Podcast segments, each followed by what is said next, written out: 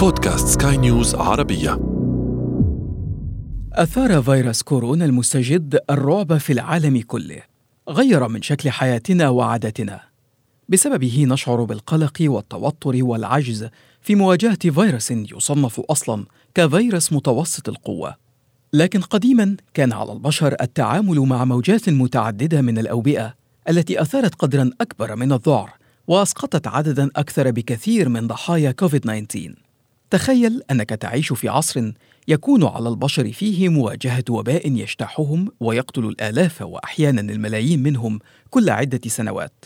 تخيل أن ما تشعر به بسبب كورونا كان إحساسا دائما لدى أسلافنا عند تعرضهم لموجات من الأوبئة بين طاعون وحصبة وكوليرا وإنفلونزا وغيرها. وتخيل أننا كنا قد نواجه نفس المصير لولا تجربة أو قل مغامرة خضع لها طفل في الثامنة من عمره. أهلا بكم. أنا عمرو جميل وأنتم تستمعون إلى بودكاست بداية الحكاية. بداية الحكاية. بداية الحكاية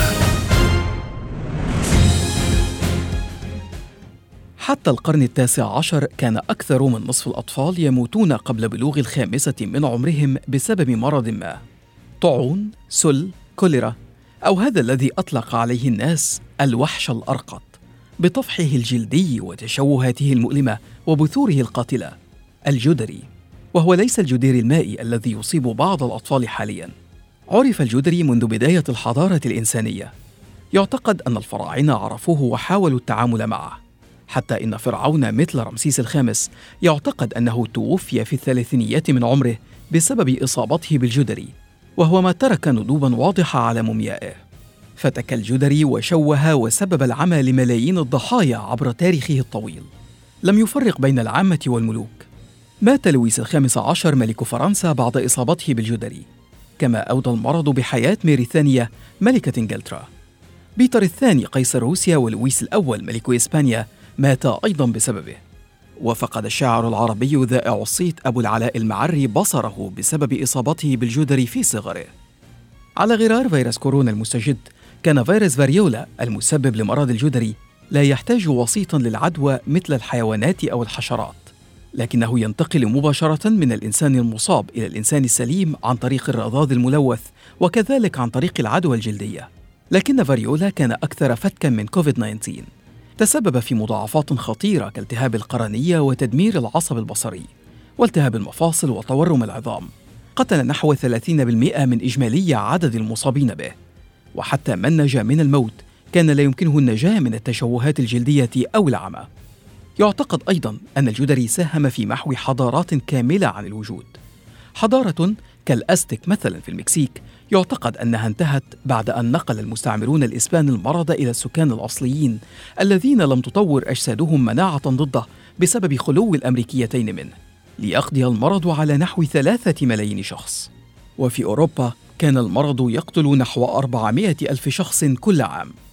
لكن في القرن الثامن عشر لاحظ طبيب إنجليزي يدعى إدوارد جينر أن هناك نوعين من الجدري أحدهما قاتل ويصيب البشر والآخر أقل قوة ويصيب الأبقار.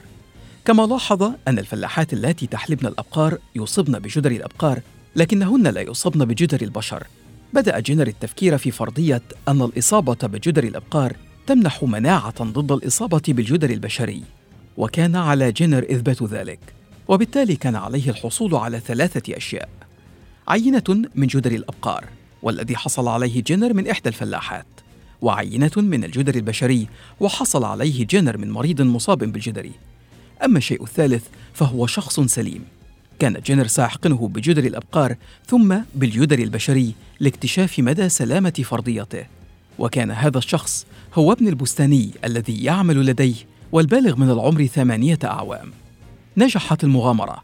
لم يمت ابن البستاني كما لم يصب بسوء. وكرر جينر التجربة على أشخاص آخرين ولم يصابوا أيضا بأذى. نجح جينر في التوصل لأحد أهم اكتشافات البشرية لكنه مع ذلك لم يعلم الكثير عن مسببات المرض.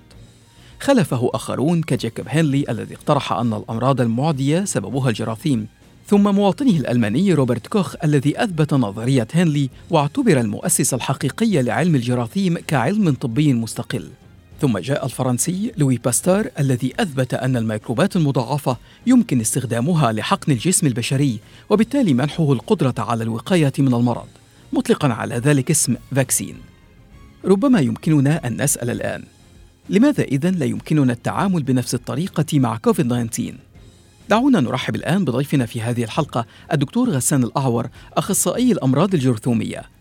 دكتور غسان لماذا يستغرق الأمر كل هذا الوقت للتوصل إلى لقاح لفيروس ضمن عائلة فيروسية نعرفها وتعاملنا معها من قبل؟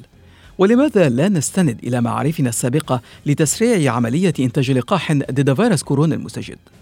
نعم في الواقع من خصائص الكورونا فيروس أنه يحتوي على العوامل الوراثية المؤلفة من ال RNA وليس DNA والمعروف عن ال viruses التي تشتمل عواملها الوراثية على ال RNA أنها تكون متغيرة عادة وتستطيع أن تعدل من تركيبتها وتتغير من وقت لوقت. وهذا ما يعطي بعض الصعوبة في اكتشاف لقاح ضد هذه الفيروسات.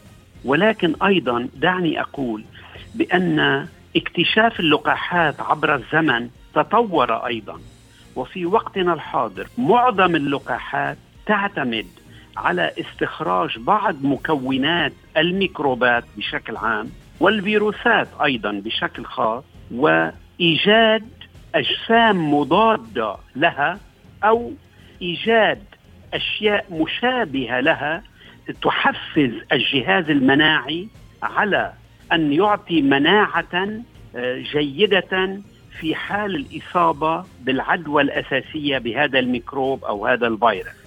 هم. لكن اللافت أن الترقب الذي نشعر به الآن لإيجاد لقاح ضد كورونا المستجد لم يكن هو الحال دوما مع لقاحات أخرى واحيانا ضد أوبئة أخطر. في القرن التاسع عشر خرج عشرات الآلاف من الإنجليز في مظاهرات ضد فرض اللقاح ضد الجدري بالقوة لأنه مأخوذ من الأبقار وهو ما يعد من وجهة نظر مسيحية تدنيسا للجسد البشري وفي عام 1998 زعم طبيب بريطاني يدعى أندرو ويكفيلد أن هناك علاقة بين لقاح الحصبة والنكاث والحصبة الألمانية وإصابة الأطفال باضطراب التوحد. أدى ذلك لتوقف العديد من الآباء عن تطعيم أطفالهم وهو ما أدى تباعا لزيادة في عدد الإصابات بالحصبة لم ينجح الطبيب الإنجليزي في إثبات فرضيته وحرم بعدها من ممارسة الطب في بريطانيا. وفي عام 2019 امتنع عدد كبير من المسلمين في بريطانيا من تطعيم أطفالهم ضد الإنفلونزا الموسمية لأن اللقاح الذي يعطى في شكل رذاذ أنفي تدخل في مكوناته مادة الجيلاتين المستخلصة من الخنازير لكن إلى ما يستند هؤلاء في مهاجمة اللقاحات؟ هل فقط الناحية الدينية أم أن هناك ناحية طبية أخرى؟ نستمع من جديد للدكتور غسان الأعور الحقيقة كل دواء أو كل مستخرج كيميائي طبي علمي وخصوصا اللقاحات يمكن أن يكون عندها عوارض جانبية.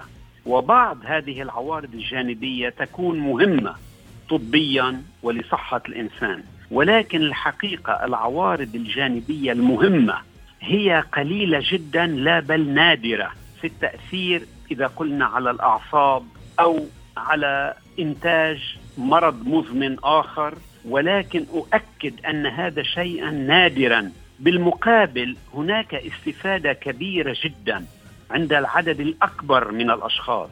لذلك عندما نأخذ دواء أو نأخذ لقاحا نتحمل احتمال أن يكون هناك تأثير جانبي بسيط.